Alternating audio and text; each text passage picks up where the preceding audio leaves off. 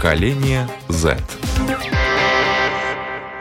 Здравствуйте! В эфире программа «Поколение Z». У микрофона Марина Талапина. Сегодня со мной ведет программу Анна Смыкова. И, Ань, хочется сразу задать тебе вопрос. Э, как ты относишься к своему телу? Ой, сложный вопрос. Я а как, э, а как твое тело относится к тебе? Короче, сегодня мы говорим о боди-позитиве. Что это такое, мы сегодня узнаем благодаря нашим гостям. И сегодня у нас в студии Максим Зинкевич. Добрейший вечерочек. София Пайсахович. Здравствуйте. София Гурина. Добрый день. И София Курочкина. Здравствуйте. И у нас есть опрос. Что знают люди об этом интересном слове? Боди-позитив. Давайте узнаем. Знаете вы, что такое бодипозитив? Нет, если честно, первый раз в таком слышу. А можете ли предположить, что это такое? Бодипозитив. Боди это как тело. Да. И ну, позитив, что значит? Позитив, не знаю. Хорошее питание. Даже не предполагаю. Знаете ли вы, что такое бодипозитив? Привет, меня зовут Ян. Э, я нет, слышал, но точно не знаю, не скажу. Можете предположить? Знаете ли вы, что такое бодипозитив? Нет. Нет. А можете предположить?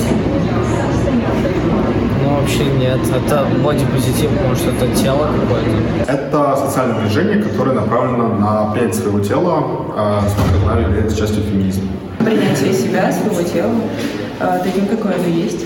Но у меня это слово вызывает скорее негатив. Ну, да, потому что сейчас перебарщивают с этим. Но считаете ли вы, что данное движение оправдывает нездоровый образ жизни? Да. Сейчас, да. Ну, наверное, должно было быть э, просто для того, чтобы люди перестали догоняться, но в данном... Правильные слова о том, что ты должен себя принимать и любить, но это не значит, что ты не должен себя там как-то, я не знаю, запускать и не, не следить за собой. Я, например, против пропаганды. То есть, если это прям сильно пропагандируется, то я от этого больше негативно. Да, я знаю. И что же? Бодипозитив это очень правильное движение, если воспринимать э, эту трактовку в том мере, которой она есть.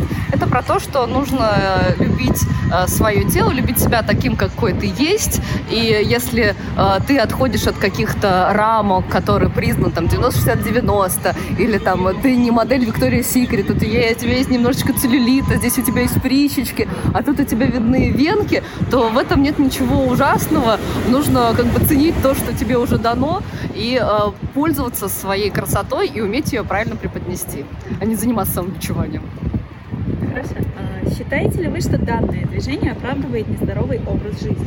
Нет, э, если это история крайности, когда мы с вами э, открываем какую-то новую тему, начинается у нее крайности. И вот у этой есть такая крайность, как некоторые люди трактуют то, что это э, ходи там значит, в эти бургерные, ешь, плохо питайся, не занимайся собой, делай, что хочешь, как бы, и ты прекрасна. Нет, суть-то здесь не в том, а суть в том, чтобы поддержать девушек, особенно там молодых, подростков и так далее, в том, что если у тебя есть какие-то внешние изъяны, это не значит, что ты изгой, это не значит, э, что тебе надо закрыться из комнаты и никогда из нее не выходить. Э, да, может быть, у тебя нос с горбинкой, да, или у тебя нет ямочки на щеках, да, возможно, у тебя там где-то проглядывает какой-то целлюлитик, и твоя кожа не идеальная, ровная и не блестящая. Но кто сказал, что именно так и должно быть? Да, есть какие-то рамки для продажи модели, но ты же не собираешься э, заниматься каким-то такой деятельностью. Да, если ты собираешься быть моделью, возможно, нужно приложить чуть больше усилий. Но для того, чтобы быть красивой, счастливой э, и радоваться этому миру, достаточно быть просто собой.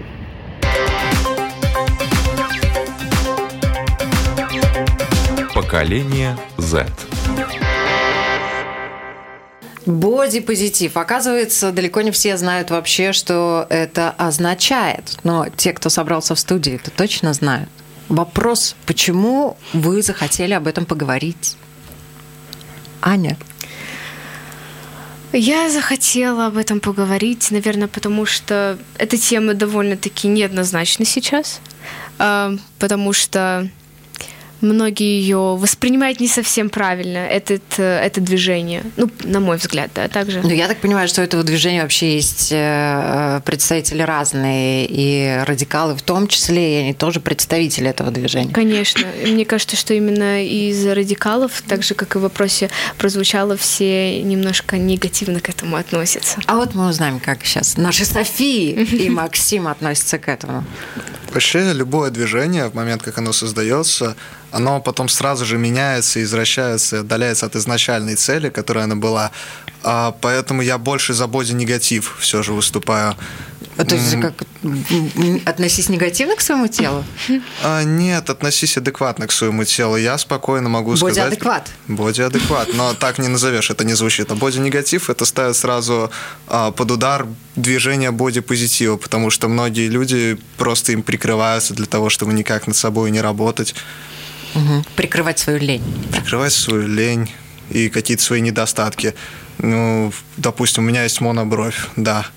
Я за боди-негатив. А, как по мне, бодипозитив – это очень многогранное движение, в отличие от всех остальных, которые сейчас актуальны, потому что он объединяет в себе э, речь, ну, как бы объединяет в себе все э, недостатки тела, как бы и те, которые, возможно, вы получили случайно, там ожоги или какой-то какие-то растяжки, так же, как и лишний вес, да, и многое другое. Поэтому не знаю, если честно, э, у меня каждый из этих граней свое отношение к тому, что касается лишнего веса, да, в, ну, то есть, я не знаю, потом мы, наверное, это еще будем обсуждать, просто мое, у меня очень обширное мнение, вот, э, как бы я, э, ну, отношусь к этому неплохо, нехорошо, я просто считаю, что если у человека есть лишний вес, от него надо избавляться и, ну, привести себя в норму, как минимум, потому что, не потому что тебя это требует какие-то модельные стандарты, а потому что это здоровье. Мы об этом обязательно поговорим, потому что основной составляющей как раз э, люди с лишним весом. Э, Не сказал бы, всякие разные. Многие вот сейчас вот приверженцы бодипозитива, они представляют э, именно пухленьких красивеньких Ну, точно женщин. так же, как и волосы на разных частях тела, точно так же, как и вот монобровь было сказано, разные какие-то некрасивые зубы, какие-то некрасивые черты лица. Да, монобровь украшает Макса однозначно. Я думаю, что все любуются. Вот, так что это очень, ну, о многом, как бы. Как мне кажется, изначально вообще в целом это движение было создано с целью, чтобы те люди, у которых действительно явные проблемы со здоровьем, у которых э, не идеальная внешность, опять же таки из-за каких-то, может быть, врожденных проблем, чтобы они чувствовали себя комфортно, чтобы они могли спокойно ощущать себя в обществе и не чувствовали себя как-то ущемленно. И на самом деле грустно то, что сейчас абсолютно здоровые от природы люди, которые просто не желают заниматься спортом, правильно питаться, э, относят себя к этому движению, говорят, я за бодипозитив, хотя на самом деле во-первых, как и сказала София, это большой ущерб для здоровья в первую очередь. Ну и к тому же, я думаю, что самому человеку должно быть приятно находиться в более-менее ухоженном теле. Я считаю, что каждый должен поддерживать правильное питание. Вот. Если действительно здоровье и все возможности позволяют э, выглядеть, скажем так, ну, конечно же, не, мы не говорим не про 90-60-90, а в комфортной там по соотношению к росту, к весу, фигуре, то это надо стараться поддерживать, на мой взгляд. А я вообще чувствую себя немного некомфортно, когда говорят про неидеальное тело, неидеальную фигуру, неидеальную кожу, потому что понятие идеала, оно очень растяжимое. Для каждого оно, безусловно, разное. И все Мы к нему все... стремятся.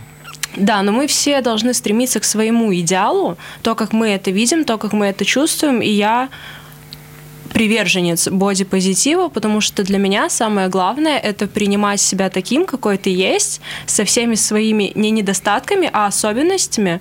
То есть, если это какие-то, вот как София говорила, растяжки, там ямочки на щеках, то, что это неприемлемо якобы в нашем обществе это неправильно. И то, что у нас есть такие стереотипы и рамки, в которые мы загнаны сейчас, это тоже неправильно и так не должно быть. Поэтому, безусловно, нам не нужно кидаться из крайности в крайность о том, что весить 100 килограмм при росте метр пятьдесят, да, это ненормально, и это не бодипозитив. Но если человек не весит столько, сколько считают в обществе он должен весить, то это ненормально, и так не должно быть. Ну, просто иногда все эти нормы, они социально мешают. Допустим, человек не следит за собой просто потому, что он говорит, что забудет позитив, и пахнет плохо из серии в общественном месте, или занимает очень много места. Я пахну естественно, Неоправданно. говорит человек. Я пахну естественно, да. Да, и это природа, это сама природа. Вот оно самое. Это такие нюансы, которые может поправить абсолютно любой человек. Вот э, мне интересно ваше мнение по поводу этих крайностей. Где э, та грань, да, э, когда все в рамках и приемлемо, а где уже люди выходят за рамки и оправдывают либо собственную лень, либо собственную распущенность бодипозитива? По-моему, это очень легко на это ответить, потому что это то, что зависит от человека. Есть крайность, которая делит. Если этот человек не зависит, он родился с какой-то деформацией или болезнью, из-за которой он набирает вес в огромных количествах, ну, это не его вина. А когда человек просто оправдывает свою лень или не следит за собой, проявляет таким образом неуважение к обществу окружающему, по сути, то это А, ненормально. Растительность на теле. Ну хорошо, Мужчина на и женщина. интервью Мужчина. очень часто принято приходить с бритым лицом, потому что это как А кто уважение сказал? У к нас были, у нас были интересные бородатые мужчины тоже. Да, но я больше про банк говорю. Это касается не только бодипозитива, это касается абсолютно всех сфер жизни э, человека, что эм, пока ты никому не вредишь, это никому не мешает, э, помимо тебя делай, что хочешь. Ну, волосатая женщина рядом с тобой, там, с небритыми ногами, без ваксации и т.д. и т.п. Она тебе мешает? О, нет, она мне вообще не мешает. Я даже посмотрю, подумаю, смелая. А, молодец, завидую, потому что, ну, как бы не всем вот это э, дано, потому что я думаю, что на самом деле я с этим согласна, э, с растительностью, ну, надоело немножко. Это просто э, лишь... эм, ну, это, это мнение о том, что женщина должна быть гладкая и выбритая везде. Это сформировалось э, просто э, с течением времени, э, как бы потому что такие нам навевали идеалы, да. На Востоке это традиция многовековая, Ну, вот даже говорю. тысячелетняя. Я и говорю, как бы пора от нее избавляться, потому что женщины всю жизнь до последнего вот нашего 21 века служили мужчинам.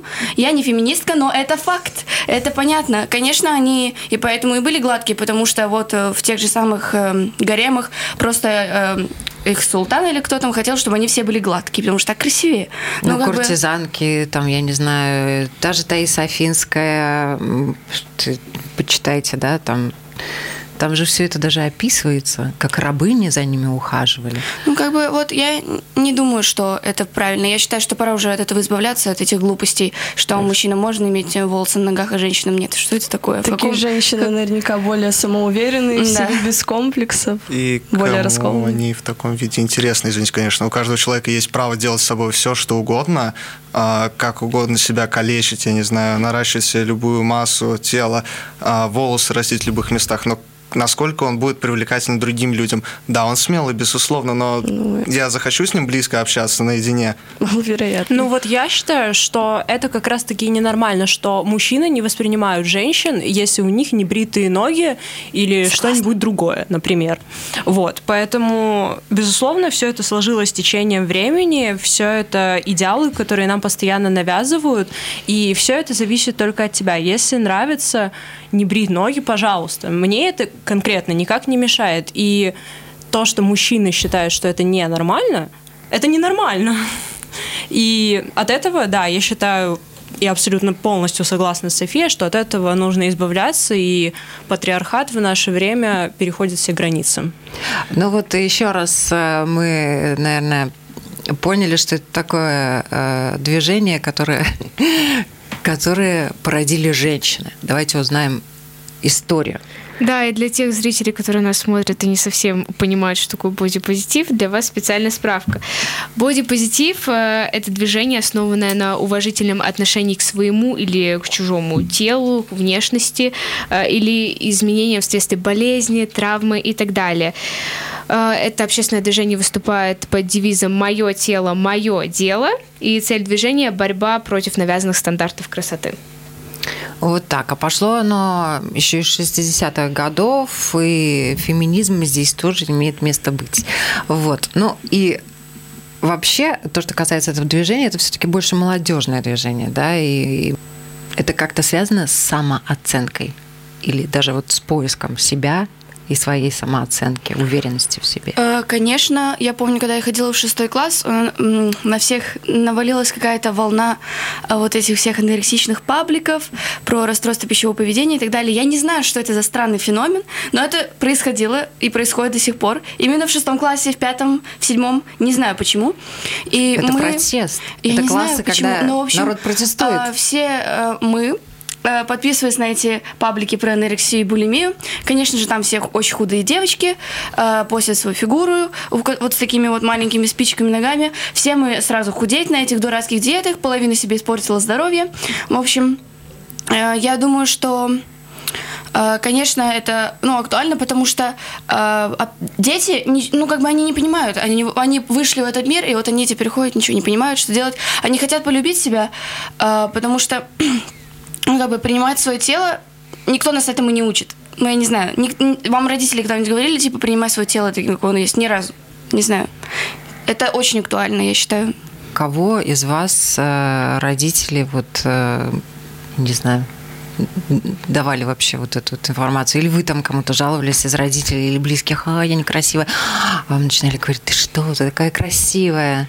Вот эта любовь к своему телу, кто к этому вообще должен приучать? Я не знаю, может, потому что я юноша, у нас таких разговоров особо и не было. У вас, по-моему, проблем таких нет.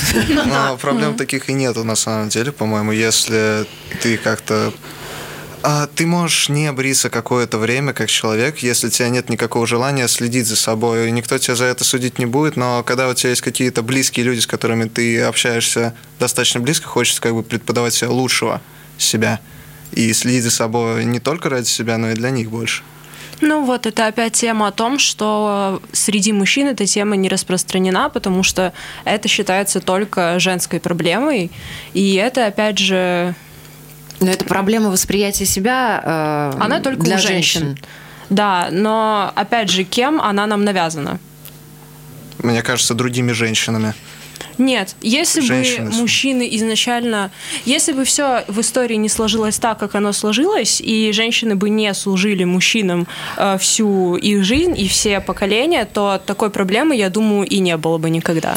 У всех же есть конкуренция, у женщин и у мужчин. И чтобы победить конкуренцию среди женщин, тебе нужно быть наиболее типа красивой, ну, по правилам природы. А у мужчин тебе не обязательно быть красивым, тебе важнее быть сильным или умным или что-то такое. К сожалению, так заложено в природе. Вот я должна поддержать Софию, потому что на протяжении веков женщины изо всех сил старались выглядеть более сексуально, более привлекательно. Они наряжались в красивые одежды, красились и так далее для того, чтобы привлечь э, физиологически говоря, самца.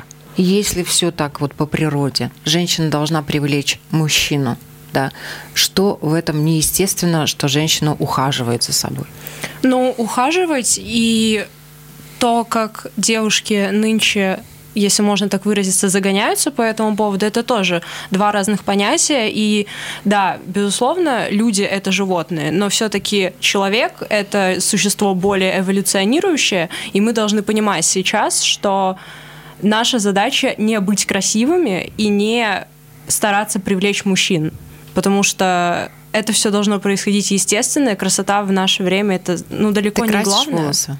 Я крашу волосы, но Зачем? я делаю это Привлекает. только я делаю это только для себя.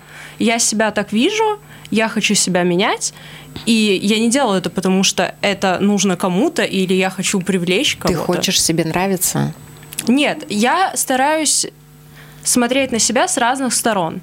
Как, возможно, мне больше подходит? Во-первых, все это еще идет от стиля человека и от его самовыражения. Я очень долгое время была в своем натуральном цвете волос, и я считаю, что любой цвет волос прекрасен, и человек вправе красить свои волосы или не красить, все зависит только от желания. Ну, смотри, то, что как ты ухаживаешь за собой, как ты себя видишь, это тоже, по сути, твоя обложка. Ты не можешь себя как бы закрыть полностью от мира, как это делают на Ближнем Востоке, в наших в реалиях. Ну, и к тебе мало кто подойдет. Максимум из интереса спросить, почему ты так делаешь. Все, что ты делаешь с собой, это тоже ты делаешь и для людей вокруг себя. Они Нет. тоже часть этого пространства, в котором ты находишься. Нет, я так не считаю, если честно. Все, что я делаю с собой, крашу волосы, крашу свое лицо, я делаю исключительно для себя. Я тоже согласна с Софией, потому что мне кажется, это как раз тот случай, когда человек делает свое удовольствие для собственного, собственного понятия настроения и так далее. Например, вот я совсем недавно общалась в школе с совсем юными девочками, буквально лет де- 10 которым, и они уже переживают из-за лишнего веса и стремятся, ну, доводят себя до критических состояний в таком же юном возрасте. И по сей день, там, общаясь даже с своими ровесниками, тема бодипозитив очень наболевшая, очень очень большое количество людей действительно переходят эти границы, и страшно, что же будет в дальнейшем, если уже в 15 лет такая критическая ситуация. А мне кажется, это как раз вот в 15 лет э, люди загоняются, как София выразилась, да, а потом эта ситуация более-менее выравнивается, и благодаря близким, которые тебе помогают э, поднять свою самооценку, поверить в себя вообще, разглядеть себя, может Если тебе быть. везет с близкими. На самом деле я заметила, что чем старше человек, тем, ну то есть начиная лет с 12, и вот чем старше, тем как будто бы меньше ему на него обществом налагается параметров, по которым он должен быть э, красивым, да, то есть если, к примеру, вот в, в моем возрасте все девочки более-менее стройные, потому что у них очень хороший метаболизм, хорошая кожа, э, волосы густые, ну просто с возрастом это как бы становится все хуже и хуже, и когда человеку, к примеру, 50 лет, он может быть полным, у него могут быть какие-то седые волосы, и никто не будет э, как бы психовать по этому поводу. Но если я сейчас растолстею до 100 килограмм и вся буду в прыщах, то мои ровесники будут на меня смотреть с круглыми глазами. Поэтому я не думаю, что э, 15 лет это какой-то пик. Я просто думаю, что в этот момент наибольшая конкуренция. Тут вопрос, конечно, открытый. И, наверное, вопрос, который вы подняли как раз, э, что делают ваши близкие, взрослые, родители, братья сестры, чтобы бодипозитив, чтобы было у вас отно- ну, позитивное отношение к вашей внешности, к такой, какая вы есть чтобы не заморачиваться и не думать, что тебе там покраска волос принесет удовольствие, что ты и так получаешь удовольствие, глядя на себя в зеркало. Макс. Ну, извините, я скажу перед Максом. Да. А, вот мои родственники конкретно ничего не делают с этим. Ну, то есть они говорят какие-то стандартные фразы по типу «ты родилась такой, какая ты есть», «принимай себя такой, какая ты есть», но на самом деле ты приходишь к этому только со своим же взрослением. И все, допустим, если говорить конкретно обо мне, все принципы, которые сложились у меня в голове и- которых я придерживаюсь, они пришли ко мне только из-за меня, из-за того, что я развивалась, из-за того, что я росла, общалась с какими-то людьми, которые мне об этом рассказывали. Я вообще считаю, что, конечно, родители должны поддерживать своего ребенка, но тут больше идет все от самого себя. Конечно, в младшем более возрасте, да, родители, безусловно, должны принимать большое участие, вот. Но в нашем возрасте, вот мне 17 лет, я уже не думаю, что это так актуально, потому что все-таки ты взрослый человек, и ты сам за себя в ответе. Ну, ты уже э, пришел, ты уже развился, ты уже Да. состоялся, да? Да, конечно. В отношении себя, своей внешности, ты уже себя воспринимаешь. А вот в 13-14 лет ребята реально, наверное, загоняются. А Да. какой я? Там же как раз идет очень э, такой серьезный физиологический э, рост, изменения очень серьезные у мальчишек и у девчонок. Да, будем говорить как есть. Тело меняется, внешность меняется, и некоторые дети не успевают себя к себе привыкать быстро. Ну, про тему семьи мне мама всегда говорила, что я очень красивый мальчик. А, ну, я думаю, так любая мама хорошая скажет э, своему ребенку. А про внешность я вспомнил забавную вещь, то, что а, парни и девушки по-разному смотрят на других людей и на внешность. Допустим, я, когда ради эксперимента, ну, по приколу, красил себе волосы, я больше всего комментариев слышал от своих сверстников парней.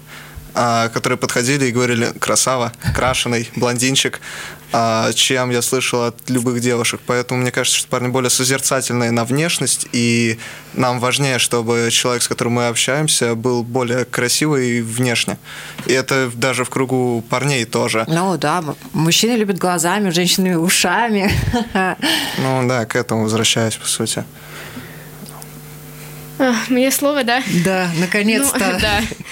Ну, если касательно родителей, ну, у меня довольно адекватные родители в этом плане. Моя мама может ко мне подойти и сказать, знаешь, ты поправилась, тебе стоит немножко схуднуть и так далее. То есть они довольно такие, ну, адекватно к этому относятся. То есть они могут сказать мне четко мои плюсы и минусы, они не будут мне брать. Они, конечно, говорят, ты прекрасна такая, какая ты есть, тебе ничего не надо менять в себе ну и так далее. И мне кажется, вот если вернемся обратно к теме 13-14 лет, что очень большое влияние оказывают все-таки соцсети, вы со, вы со мной не можете не согласиться, потому что даже я, заходя в Инстаграм, у меня все прекрасно, я чувствую себя хорошо.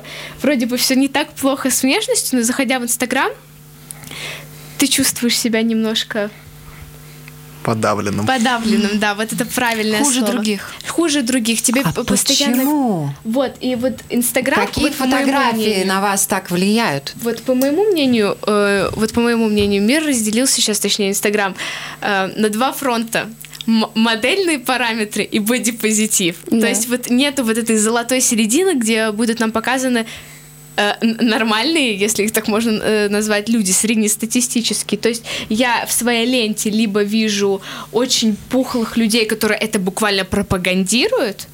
Э, то есть это не просто э, что-то из серии э, «люби себя такой, какой ты есть». Это из серии давайте все будем полными. ну, по крайней мере, это так воспринимается. Или э, фотографии, ну, девушек или парней с модельными параметрами, и ты понимаешь, что ты просто и не туда, и не сюда. У нас есть интервью э, модели X-Size, и давайте послушаем интервью с ней позволить себе не зависеть от стереотипов даже в модельной индустрии. Может плюс-сайз модель Катерина Строганова. Здравствуйте. Здравствуйте. А если кратко? Ой, на самом деле я вообще такой многосторонний человек. Если конкретно касательно вот бьюти-индустрии, то да, я действительно модель плюс-сайз. Вот, я и организатор модных показов для женщин плюс-сайз, и а, участница конкурсов тоже для пышных женщин. Поэтому у меня такая, на самом деле, очень активная деятельность в моей жизни. Вот, и связана, да, она именно, именно в, вот в этом направлении, именно для раскрепощения этих женщин, для придания им уверенности, чтобы они не чувствовали себя там какими-то вот, неполноценными во внешности. Поэтому, да, мне нравится. Это больше такое мое хобби. Я люблю эту, а, вот это внимание людей, и мне очень нравится реакция людей, потому что, в принципе, все всегда, я не знаю по какой причине, но мне аплодируют. А это для модели очень так важно, на самом деле, когда она выходит, и, может быть, это какая-то энергетика идет или что-то. Вот у меня еще проект есть женский, уже второй год, и там мы проходим вот основы моделинга и фотопозирования. И, конечно, им надо показать, как бы, ну, модели, женщина должна себя тоже что-то выдавать. Вот, и, ну, все женщины разные, в одной там, не знаю, огня больше, в другая более такая спокойная, вот, но, в принципе, модель модель должна быть универсальна. И этому надо тоже обучаться. И когда ты умеешь выдавать эти нужные эмоции, нужные вот эти энергии, вибрации, то публика достаточно интересно реагирует.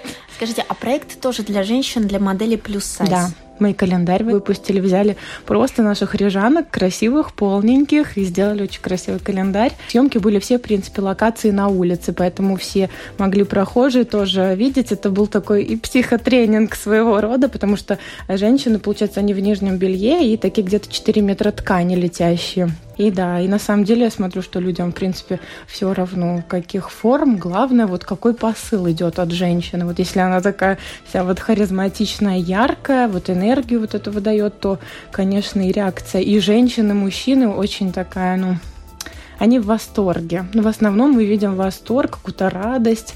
Они любят за вот этой красотой какой-то природной, наверное, наблюдать. Что я против, кстати, вот макияжа, против ногтей. Вот мы наблюдаем, вот мы наблюдаем, что, в принципе, все модели, вот у них нюд в основном, без, без каких-то там ногтей, накладных ресниц. Сейчас все вот за этот натурел, весь вот Да. все за натуральное получается, сам образ они берут. Потому что есть восточный рынок, европейский рынок, американский, и у них типажи разные. То есть, допустим, я, может быть, для американского вообще не подойду. Они посмотрят, ну, как бы, хотя у них есть креолки очень красивые. Это, в принципе, тоже там густые волосы волнистые, но у них смуглый цвет кожи. Они такие больше мулатки, островитянки.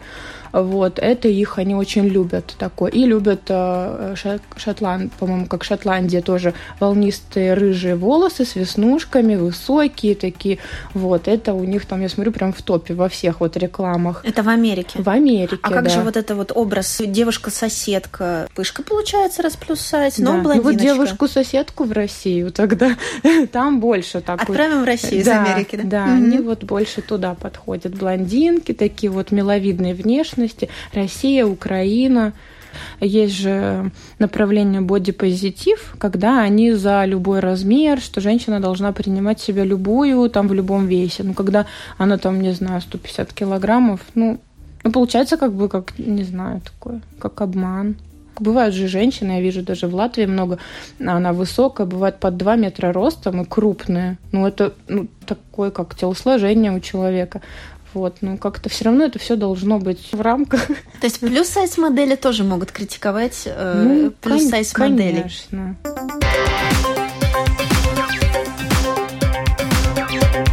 Поколение Z. Еще раз всем здравствуйте, уважаемые радиослушатели, телезрители. Я напоминаю, в эфире программа «Поколение Z». Сегодня мы говорим о бодипозитиве, и как раз вот мы дошли э, до э, того момента полнота. Да? Многие приверженцы движения бодипозитив, как вы сказали, они, да, они пропагандируют э, полный образ жизни. Да? Э, И не обязательно полный, и мы уже говорили об этом, да, что есть люди от природы, пухленькие, корпулентные, да, так называемые. И, и есть люди, которые просто-напросто распущенные. Они едят и едят все подряд, ни в чем себе не отказывают. У некоторых это зависимость, это болезнь, это РПП.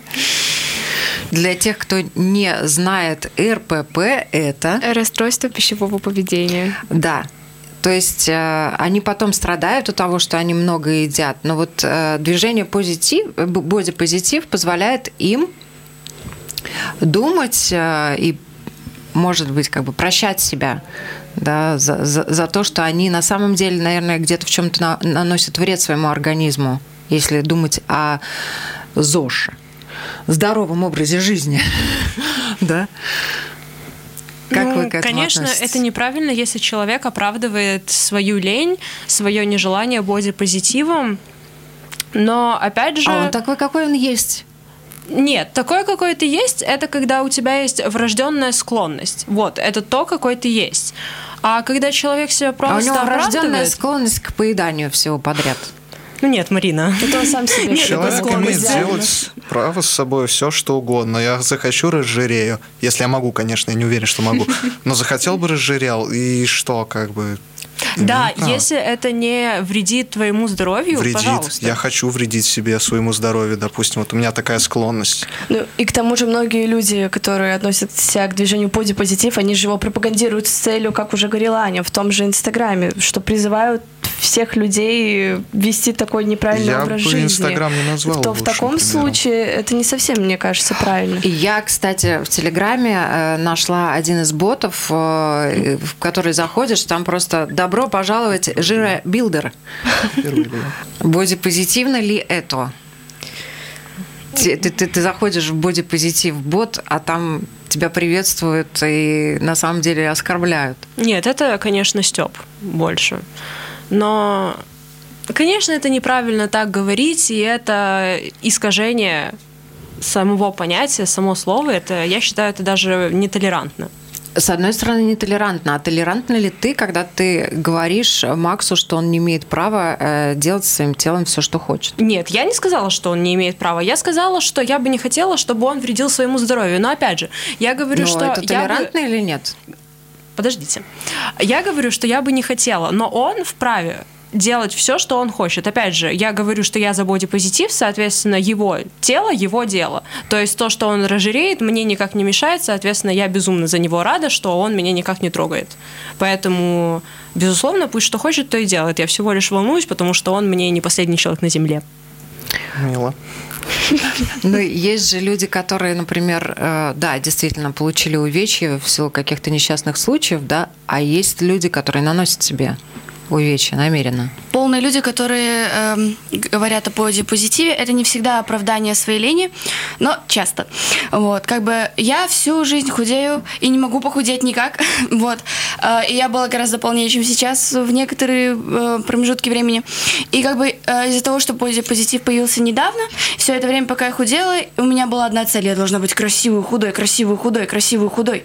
Но Как бы я понимаю это теперь так, что бодипозитив позволяет полным людям чувствовать себя полноценным, эм, полноценными членами общества, но э, бодипозитив не говорит им о том, что они должны оставаться полными.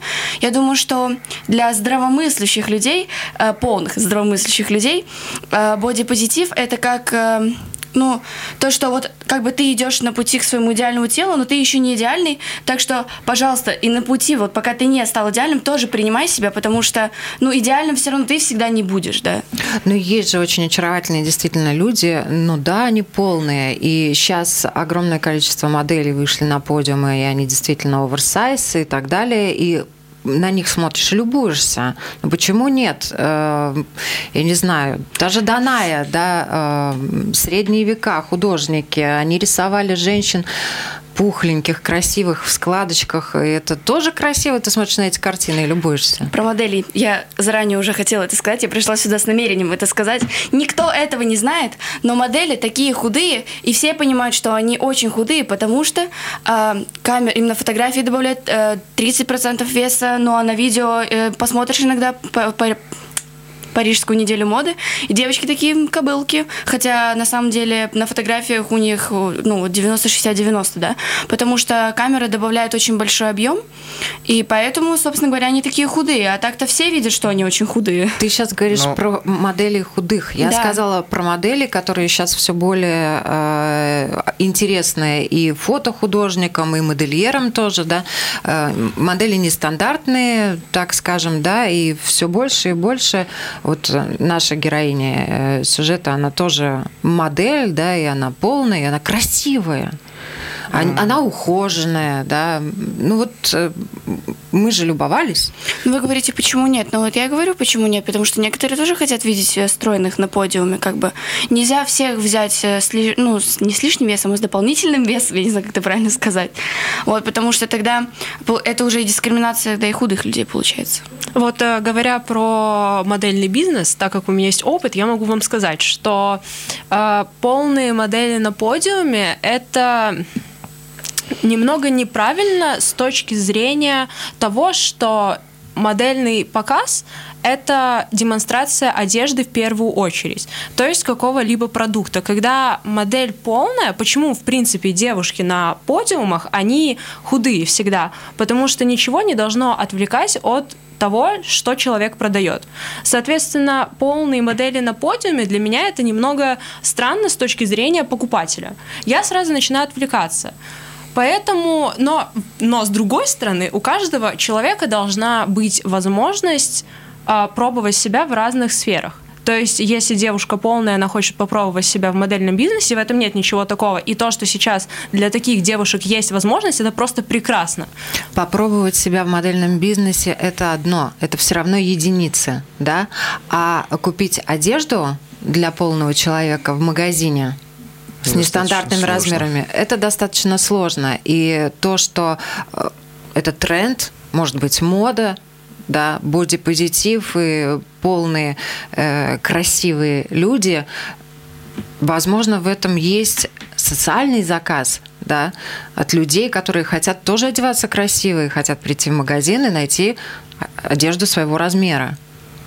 Ну, вообще, это социальный заказ, это, по сути, а, идеально для всех возможных модельных агентств, потому что они получают сразу ну, большая востребованность в обществе а, для рекламы продуктов определенным людям. И то, что это движение зародилось, стало им очень выгодно, потому что теперь им не нужно никак оправдывать появление такого так, миленькие мои, если э, взять, когда оно зародилось, я сказала, когда оно зародилось, 1967 год, если Недавно. не помню. 1967 год. 67 год. Недавно. 50, До вашего 50 рождения. с небольшим лет назад. Да, то есть, э, но, извини меня, тогда же как раз на подиум вышли э, Твиги, худосочная, и стала эталоном красоты. Твиги вышло, потому что как раз-таки тогда, я не знаю, как это по-русски, но сочные а, девушки считались более ну, модными, потому что после войны в 50-х, конечно, все хотели располнять, потому что во время войны все очень были худые, идем издалека, и поэтому в 60-х а, мода пришла ну, к новому, то есть, смотрите, она не а, полненькая, она без сексуальных форм, она просто девочка такая, какими многие сейчас являются, так что это тоже такой неоднозначный момент. Может быть, просто все новое, это хорошо забытое старое. Ну, в средние века полных э, рисовали и любили, потому что это был символ благополучия. У тебя есть деньги, у тебя есть еда. Не более. А в ближайшие десятилетия, глядите, и ваши дети, вы сами будете хотеть быть полными. Вдруг так изменится ваше сознание. Кто знает. Да, кто знает. Чтобы подчеркивать, да, чтобы подчеркивать что? Вот быть полными, чтобы подчеркивать что? Пышные формы, свою изюминку. Достаток. Достаток. Да, это же говорит о неком богатстве в каком-то смысле. Я ни в чем себе не отказываю. Да, живу как Чтобы хочу. подчеркивать здравый смысл, что каждый человек имеет право быть таким, каким он хочет быть. Но вот то, что я сказала, в боте было написано «добро пожаловать в жиробилдер», да? То есть некоторые люди, и вы уже сами тоже упоминали, они как бы пропагандируют «ешьте больше,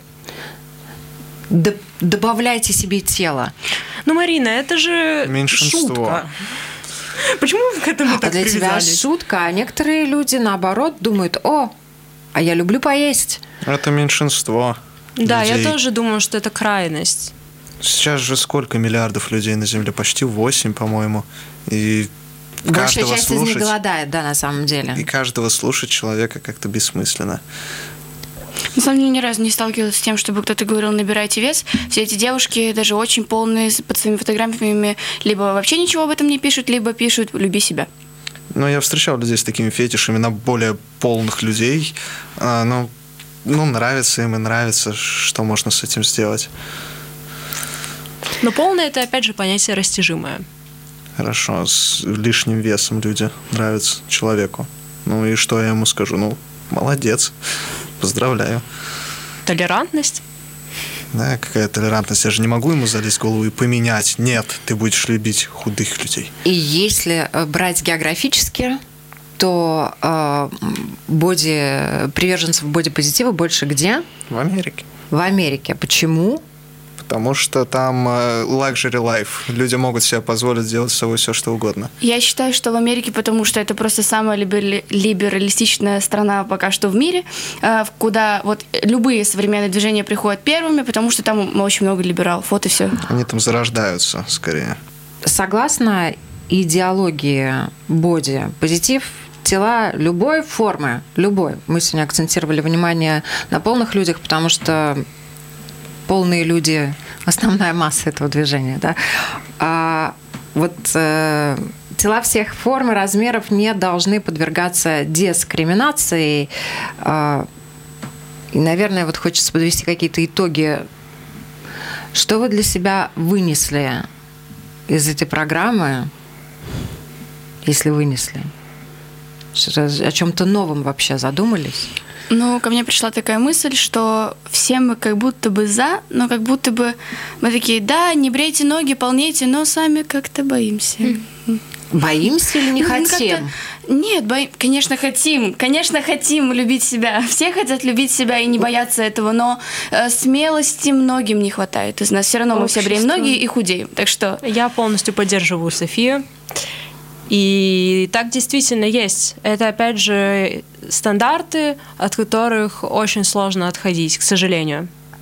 Ну, Потому что всегда сложно менять то, что уже устоялось за долгое время. Я думаю, что это проблема в нашем постсоветском обществе. А, наши люди привыкли осуждать. То есть э, ты не соответствуешь стандартам, потому что раньше же было все под линеечку. Если ты не соответствуешь стандартам, все, ты не ты плохой, ну, условно говоря. А за границей в этом нет проблем. Ты можешь хоть пройти в костюме розовой пантеры, всем будет все равно, потому что да, ты есть правда. ты. А я, наверное, просто хотела бы пожелать нашим уважаемым радиослушателям не бояться самовыражаться, жить в удовольствие. Главное, чтобы это не мешало окружающим. И следить за здоровьем в любом случае, как бы вы ни выглядели. Наше тело, наше дело, ваше тело, ваше дело. Любите себя такими, какие вы есть, и не распускайте. Всем хорошего дня!